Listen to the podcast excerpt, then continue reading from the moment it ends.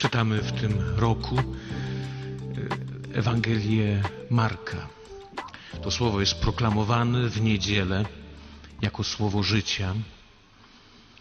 Rano słuchaliśmy, bo była sobota, dzisiaj już weszliśmy w niedzielę teraz. Słuchaliśmy tej Ewangelii o burzy na morzu, o tym, że Chrystus zaprasza nas do tego, żeby się przeprawić na drugi brzeg. Wiemy, co jest tym drugim brzegiem. Ten drugi brzeg to jest ten brzeg, na którym Chrystus zmartwychwstały wstaje, żeby nas szukać. I Piotr rzuca się prawie nagi w wodę, prawie nagi, bo zgubił szatę, zapierając się Chrystusa. Zgubił tą białą szatę, jak i my wiele razy gubimy białą szatę chrztu. To znaczy nie ma w nas tego podobieństwa do Boga, nie, nie ma w nas tej, tego zwycięstwa nad śmiercią. Ciągle boimy się umierać, kochając drugiego, dając drugiemu nową szansę, przebaczając, zapominając to, co było wczoraj. Ale Pan, Pan mówi, przeprawmy się na drugi brzeg. On nas wezwał, tak jak wezwał w historii wielu ludzi, w którym objawił swoją wierność, jak Abrahama, jak wszystkich patriarchów, jak tylu świętych, jak też i apostołów, prostych ludzi, których wezwał czasami z, samego grzechu, jak Mateusza z komory celnej. I ta, to przeprawmy się na drugi, na drugi brzeg. Jest tą podróżą, którą nazywamy nasze, naszym życiem. I w czasie tego naszego życia przychodzą takie momenty trudne, kiedy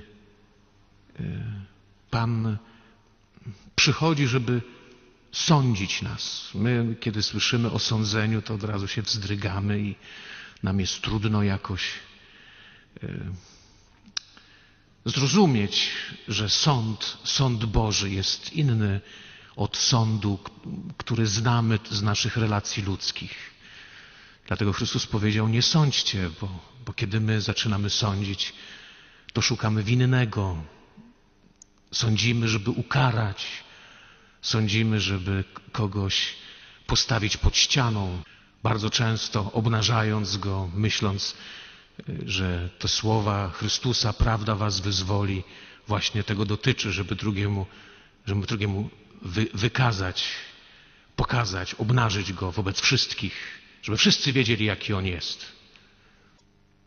Ale sąd Boga jest zupełnie inny, bo Chrystus przyszedł, żeby sądzić, i ten sąd Boga jest po to, żeby zbawić człowieka, żeby go uratować.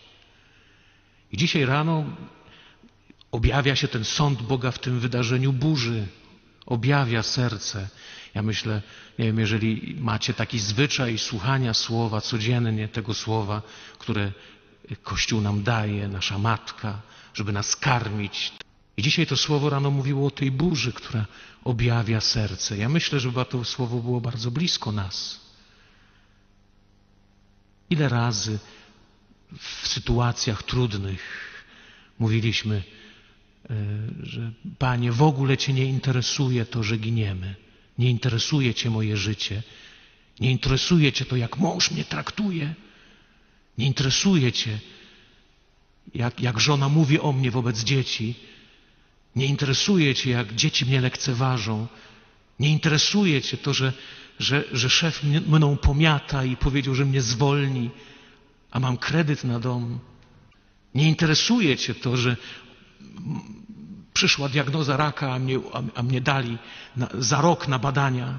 Nie interesuje Cię to. Ile razy, nie? Ile razy? I objawia nasze serce. To znaczy, że wiary jest bardzo mało w nas. Bo wiara to jest zaufaniem, że Bóg przewidzi. Nie?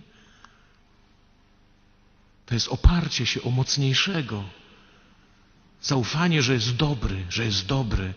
Wszystko wrzeszczy dookoła mnie, że jest niedobry, ale ja wiem, że jest dobry.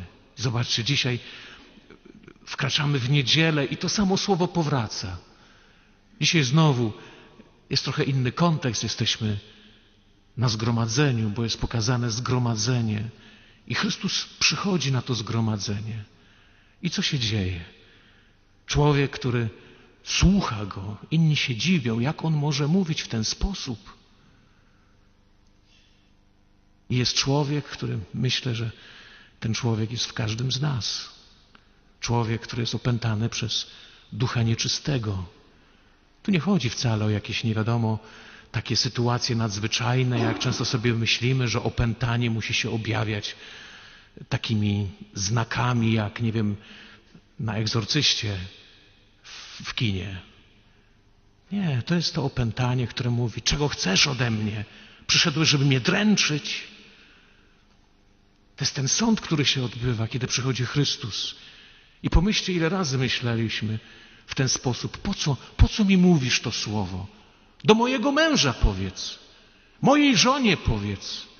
Mojej córce powiedz, która pilotem zbiła najnowszy telewizor. Jestem wściekły. Co mam zrobić? Powiedz, powiedz, przyszedłeś mnie dręczyć? Mówisz mi, że mam kochać? Mówisz mam, że mam kolejny raz przebaczyć? Jak ona mogła to zrobić? Jak moja żona mogła wychować takie dziecko? Przecież ja cały czas pracuję, wypruwam sobie żyły, żeby mieli wszystko. Jak wychowała te dzieci, że tak się zachowują? Nie? Przyszedłeś, żeby mnie dręczyć? I co mi mówisz dzisiaj? Że jesteś dobry? Ile razy myślimy w ten sposób, prawda? Nie wiem, jeżeli jesteśmy szczerzy, dzisiaj y, psalm mówił nam, nie zatwardzajcie waszego serca, dajcie sobie coś powiedzieć. Mówię do was, mówię i do siebie, wiecie? I myślę sobie w kontekście tylu pretensji, które gdzieś są. Tej burzy dzisiaj to jest to jedno słowo, które Pan mówił, rano słuchałeś za mało. Muszę, muszę ci powtórzyć jeszcze raz, bo widocznie nie słuchałeś. Ja mówię, przesłuchałem. No tak, a te sądy, które miałeś przed chwilą, a te pretensje, które miałeś, to co? Nie słuchałeś dobrze. Bo gdybyś mnie słuchał, gdybyś pozwolił, żeby ogień tego słowa przyszedł, wtargnął w Twoje wnętrze, to by Cię oczyścił. Bo co to jest duch nieczysty? Duch nieczysty, który przychodzi i interpretuje wszystko przeciwko Bogu i przeciwko drugiemu człowiekowi. Prawdziwa czystość, błogosławieni czystego serca, to są tacy, którzy patrzą tak, jak patrzy Bóg. I nie tylko patrzą tak, jak patrzy Bóg. Błogosławieni czystego serca to są ci, którzy potrafią kochać drugiego człowieka, nie traktować drugiego człowieka jak przedmiot, nie traktować drugiego człowieka jako szczebla na drabinie do swojego szczęścia. To są ci, którzy nie, nie, nie, nie są zakłamani, to są ci, którzy nie są przewrotni, nie są fałszywi, którzy są prości w relacji z drugim człowiekiem. Tak, tak, nie, nie. Którzy potrafią służyć drugiemu człowiekowi bez oczekiwania, że coś z tego będę miał. To jest mieć, być czystego serca, serce, które jest niepodzielone, serce, które jest gotowe dawać siebie, tak jak nasz Pan ma serce czyste, ale my wiemy, że serce czyste jest sercem przebitym. To jest serce czyste, serce, które daje się zranić, bo kiedy wchodzimy w relację z drugim człowiekiem, ten drugi człowiek nas będzie ranił. Dlatego, że jest inny. Inny niż może nasze oczekiwania względem Niego. Inny niż my. Ma inny świat, e, nie wiem, widzenia rzeczy. Zresztą widać bardzo dobrze w małżeństwie. Ciągle pamiętam to zdanie, które kiedyś słyszałem pana Jacka Pulikowskiego, który mówił, że małżeństwo to pokazuje, że każdy mężczyzna pod względem fizycznym pasuje do każdej kobiety, a każdy mężczyzna pod względem psychicznym nie pasuje do żadnej kobiety. Dwa różne światy. To bardzo dobrze widać, nie? Dlatego musi dojść do tych ciągłych zderzeń, do różnic, do zranień. Serce czyste potrafi kochać drugiego takim, jakim jest, innym, nie oczekiwać, żeby był inny, żeby się zmienił. I potrzebujemy, żeby, wiecie, bo inaczej, inaczej będą sądy, inaczej ciągle będą sądy. Po- Potrzebujemy, żeby Pan w swoim słowie, kiedy my przychodzimy na liturgię i mamy tego ducha nieczystego, prawda? Pomyślcie, ile razy, kiedy przychodzimy, przychodzimy pełni pretensji. Ile razy, kiedy przychodzimy i słuchamy słowa, słuchamy go, mówimy, o gdyby tu była moja żona i to słyszała. Muszę powiedzieć, żeby przyszła powtórzyć jej, muszę nie, żebym tylko nie zapomniał, jak on to powiedział, bo to takie słowo, jak ją, to, ale jej dowali to słowo, nie? Ile razy myśleli, nie? E, Pomyślcie, ile razy w ten sposób przewrotny słuchamy. Potrzeba, żebyśmy nie zatwardzali serca, żebyśmy słuchali dla siebie, żebyśmy pozwolili dotknąć się temu słowu. I Chrystus przychodzi na każdej liturgii jako ten, który ma władzę, rozumiecie? Egzorcyzmować nas, powiedzieć milcz, wyjdź z niego. Pozwolimy Bogu dzisiaj to powiedzieć do nas? Wobec tych różnych spraw, które nosimy w sercu, pretensji, oskarżeń, żali, różnych innych rzeczy. Pamiętam, jak jeden z moich braci powiedział, wiesz co, wolę, żeby moja żona miała pretensje niż żal, bo pretensje to tam za chwilę miną, ale żal trwa i trwa i trwa. Prawda? Szczególnie u kobiet. Ten żal 25 lat temu pamiętam. Jesteście gotowi dzisiaj pozwolić, żeby Bóg egzorcyzmował swoim słowem, żeby wkraczał, a jak to będzie robił? Bardzo prosto. Bo będzie przychodził w swoim ciele i będzie mówił, to jest moje ciało wydane, bierz i jedz. I rzeczywiście wyda się w nasze ręce. I możemy przyjąć na krzyż naszego życia, na te nasze sądy, które mamy, na te trudności, walki, które toczymy, na te żale, które trwają i trwają i trwają, na te pretensje, które może nie są takie długie, ale, ale bolą, na ten głos mamusi, który ciągle dźwięczy. Z ciebie nigdy nie będzie dobra żona, nigdy nie będzie dobra gospodynia. Ty nigdy nie potrafiłaś nic dobrego ugotować. Albo teściowej, gdzie on miał oczy, jak, jak się w tobie zakochał. Co on w tobie takiego widzi? Nie wiem. I ten żal, który trwa i sprawia, że nie jesteśmy w stanie usiąść do stołu. Rozumiecie? To nosimy to w sobie. Pozwólmy Bogu dzisiaj przyjść i egzorcyzmować.